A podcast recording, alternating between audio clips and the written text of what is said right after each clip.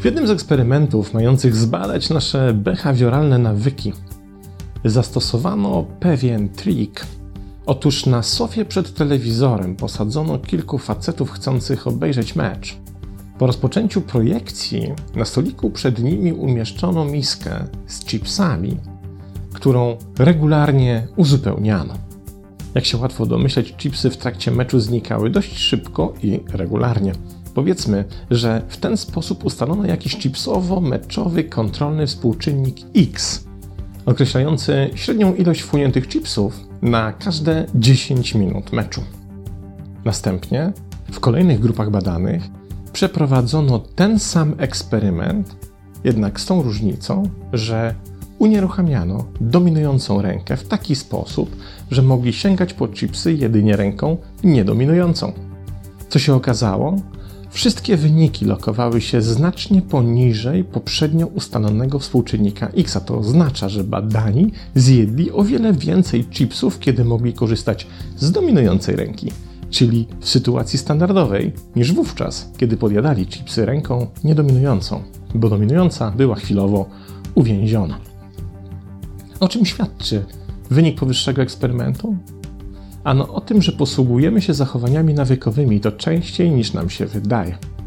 Swego czasu, kilka ładnych lat temu, tuż po premierze książki Schudnij z Kaizen, zaliczyłem w swojej nauczycielskiej ścieżce spory epizod pracy z osobami walczącymi z nadwagą. Kiedy staraliśmy się wówczas wspólnie prześwietlić ich zwyczaje żywieniowe, za każdym razem okazywało się, że większość podejmowanych przez nich decyzji w tym zakresie miała fundament nawykowy, a nie rzeczywistej potrzeby wynikającej na przykład z głodu czy też konieczności uzupełniania zapasów energii. Ale zachowania nawykowe nie dotyczą tylko i wyłącznie podjadania pomiędzy posiłkami. Okazuje się, że zachowujemy się w ten sposób w wielu obszarach naszego życia. Na przykład reagujemy emocjonalnie również w sposób nawykowy. Nawykowo podejmujemy takie, a nie inne decyzje. Sięgamy po używki, czy też popadamy w określone psychiczne stany, takie jak smutek, lęk, wycofanie i apatia. Liczba naszych nawykowych aktywności jest tak olbrzymia, że nie zdajemy sobie nawet z tego sprawy. Dzieje się tak z jednej prostej przyczyny – Otóż nasz mózg to organ, który zużywa olbrzymią ilość kalorii i są tacy naukowcy, którzy wskazują, że jest to najbardziej energetyczno-chłonny element naszego organizmu. W związku z tym faktem w toku ewolucji mózg musiał wykształcić jakąś strategię oszczędzania energii. Jedną zaś z takich strategii są automatyzmy, czyli takie zachowania, które nie wymagają żadnej analizy, podejmowania decyzji, czy też jakichś złożonych konstruktów myślowych. Pojawiają się wszędzie tam, gdzie identyczna lub podobna czynność była wykonywana wielokrotnie i za każdym razem przynosiła ten sam oczekiwany skutek. Za każdym więc razem, kiedy w procesie powtórzenia pojawia się ten sam ciąg przyczynowo-skutkowy, jakiś konkretny zamiar przekształcany jest w określone zachowanie, w którego efekcie pojawia się oczekiwany rezultat, to nasz mózg zapamiętuje tę sekwencję. Kiedy zaś zostanie powtórzona odpowiednią ilość razy, mózg odłącza w jej trakcie znajdujący się w płacie czołowym ośrodek analizy. Bo po co mi trężyć energię na analizowanie czegoś, co już kiedyś zostało zanalizowane, a teraz jest jedynie powtarzane? Wystarczy powtórzyć te same ruchy, a skutek będzie identyczny lub co najmniej bardzo zbliżony. I tak powstają właśnie łańcuchy złożone z konkretnych sekwencji zachowań, które wykonujemy automatycznie. Sięgasz po chipsa, bo robiłeś to już tak wiele razy, że nad czym tu się zastanawiać. Dokładnie w ten sam sposób ludzie w określonych warunkach na przykład do kawy czy w przerwie w pracy, sięgają po papierosa. Robili to przecież wcześniej, setki razy, więc ich mózg po prostu włącza sekwencję zachowań. Kiedy tylko pojawi się taka sama lub podobna okoliczność, w której wcześniej ta sekwencja była uruchamiana. A ty stoisz i palisz już dziesiątego papierosa w ciągu dnia. Wciągasz dwudzieste ciastko w przerwie w trakcie szkolenia, czy też reagujesz z pięciem na sam widok Stefana, mimo że Stefan nawet cię jeszcze nie zauważył. Cała zaś operacja odbywa się przy znikomym udziale naszej świadomości lub w ogóle bez jej udziału. A jeśli w jakimkolwiek naszym zachowaniu nie bierze udziału świadomość, to automatycznie ślad tego wydarzenia nadpisany w pamięci krótkotrwałej jest bardzo słaby. Na tyle słaby, że wystarczy pojawienie się kilku kolejnych automatycznych sekwencji, byśmy kompletnie nie pamiętali o tych wcześniejszych. I w ten oto sposób liczba rzeczywiście zjedzonych ciastek nigdy nie zgadza się z liczbą zapamiętanych. Liczba wypalonych papierosów jest do sprawdzenia jedynie w paczce, kiedy liczymy, ile ich jeszcze zostało. Podobnie ma się sprawa z liczeniem każdej nawykowej sekwencji. W tym procesie nasza pamięć zawsze będzie nas zawodzić. Co zatem zrobić, żeby pozbyć się niechcianych czy też destrukcyjnych dla naszego organizmu nawyków?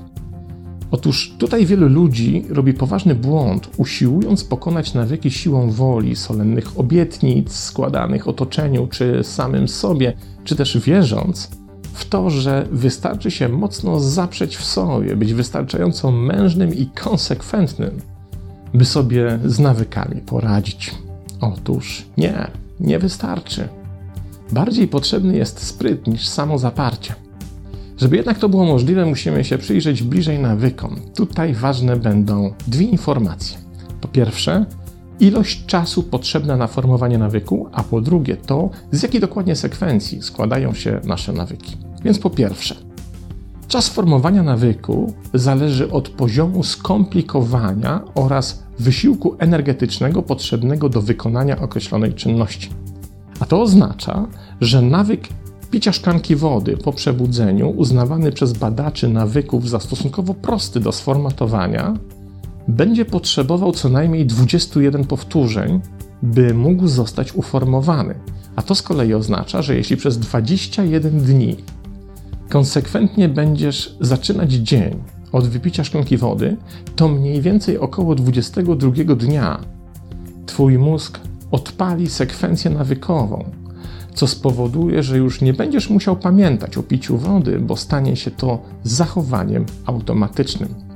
Co więcej, jeśli tego nie zrobisz, będzie ci po prostu tego brakowało, więc podświadomie Twój mózg będzie dążył do redukcji powstałego w ten sposób napięcia i zamknięcia sekwencji nawykowej. W przypadku nawyków trudnych, tutaj wskazuje się przykład codziennych 20 pompek wykonanych również po przebudzeniu. Sekwencja nawykowa powstanie dopiero po około 3 miesiącach. Powyższe przykłady wskazują, że świadome uformowanie nawyków może nam zabrać sporo energii, czasu i pracy. No dobrze, a co z deformowaniem tych nawyków, których chcemy się z systemu pozbyć? Tutaj sprawa nie jest już tak prosta. Najpierw musimy sięgnąć po drugą niezbędną informację, w pracy z nawykami, czyli dowiedzieć się, czym jest sekwencja nawykowa, czasem nazywana też pętlą nawykową. Otóż każdy nawyk składa się z trzech elementów. Pierwszym jest bodziec, coś co wyzwala nawyk, jakieś wydarzenie, sytuacja, którą nasz mózg rozpoznaje jako sygnał do odtworzenia zachowania nawykowego. Tym bodźcem może być widok paczki chipsów na stole, słodyczy w trakcie przerwy kawowej, czy wyjście na przerwę z koleżanką, z którą zawsze wówczas palicie papierosy. Drugim elementem sekwencji jest samo zachowanie, które pojawia się w efekcie bodźca. To właśnie sięgnięcie po chipsa, po ciastko czy po papierosa. Całą zaś sekwencję zamyka nagroda, czyli jakiś rodzaj przyjemności, która pojawia się w konsekwencji wcześniejszego zachowania. To może być radość smakowania ciastka, podniesienie cukru w przypadku słodyczy, czy też dostarczenie organizmowi dawki nikotyny. Ale nagrody mogą być również mniej oczywiste. To na przykład pozbycie się napięcia wynikającego z tego, że nie wiemy, co zrobić z rękami, a danie im zajęcia po prostu uspokaja system i redukuje to napięcie. Mamy zatem sekwencję złożoną z bodźca, zachowania i nagrody. Gdzie najczęściej jest popełniany błąd w walce z nawykami? Otóż wiele osób całą swoją energię skupia na pokonaniu bodźca, albo więc próbują się ze swego życia pozbyć wszystkiego, co za taki bodziec uznają, albo też próbują wytrwać pokonując działanie bodźca i jednocześnie nie podejmując w jego efekcie dotychczasowych zachowań. To niestety droga donikąd. Po pierwsze, dlatego, że jak wspomniałem wcześniej, zachowania nawykowe są nieświadome, więc po prostu prędzej czy później samo to spowoduje, że przegramy z bodźcem, bo nasz mózg włączy automatyczne zachowania i zorientujemy się, że tak się stało, kiedy już będzie za późno. Po drugie, dlatego, że wielu bodźców nie da się tak po prostu wyłączyć. Jeśli na przykład bodźcem do Twojego podjadania pomiędzy posiłkami jest widok lodówki, obok której właśnie przechodzisz, to nie da się tej lodówki wyrzucić przez okno, bo przecież jest to niezwykle potrzebne urządzenie w naszym codziennym dniu. Trudno też na lodówce powiesić kłódkę, bo kiedy odwiedzą Cię znajomi, będzie to trochę obciachowo wyglądało. Niestety, czy nam się to podoba, czy też nie, bodźce będą się pojawiały w naszym życiu tak, jak się pojawiały, i niewiele tak naprawdę możemy na to poradzić. Zamiast więc ingerować w bodziec, należy zastosować sprytną sztuczkę, która omija bodziec, ale ingeruje w samo zachowanie. Chodzi o to, by w efekcie działania tego samego co poprzednio bodźca pojawiło się inne zachowanie. Ale to nie jest łatwe, bo zachowanie to przecież wykonywane jest dla określonej nagrody, która zamyka całą sekwencję nawyku. Zatem, żeby nasz mózg mógł zmienić zachowanie w obliczu danego bodźca, musi mu zostać dostarczona nagroda większa, bardziej atrakcyjna, przynosząca większą przyjemność niż poprzednia. I tutaj zaczynają się kolejne schody, bo nie da się określić wzorca takiej nagrody gdyż dla każdego z nas co innego może być nagrodą, a też percepcja przyjemności będzie znajdowała się zawsze na zupełnie innym poziomie. Niestety należy tutaj wykonać sporą, głęboką i uczciwą pracę z samym sobą, ustalając, co w konkretnej sekwencji dotyczącej konkretnego nawyku będzie dla mnie stanowiło bezdyskusyjnie większą, atrakcyjniejszą nagrodę niż do tej pory. Jeśli uda Ci się taką nagrodę stworzyć, wymyślić czy też odnaleźć, to wówczas przeformatowanie nawyku stanie się dziecinnie proste. Twój mózg w trakcie odpalenia się konkretnego bodźca zawsze wybierze to zachowanie, które związane jest z większą nagrodą, a wówczas wystarczy konsekwencja takiego wyboru przez odpowiednią ilość powtórzeń, by poprzedni nawyk został zdeformowany, a w jego miejsce uformował się nowy.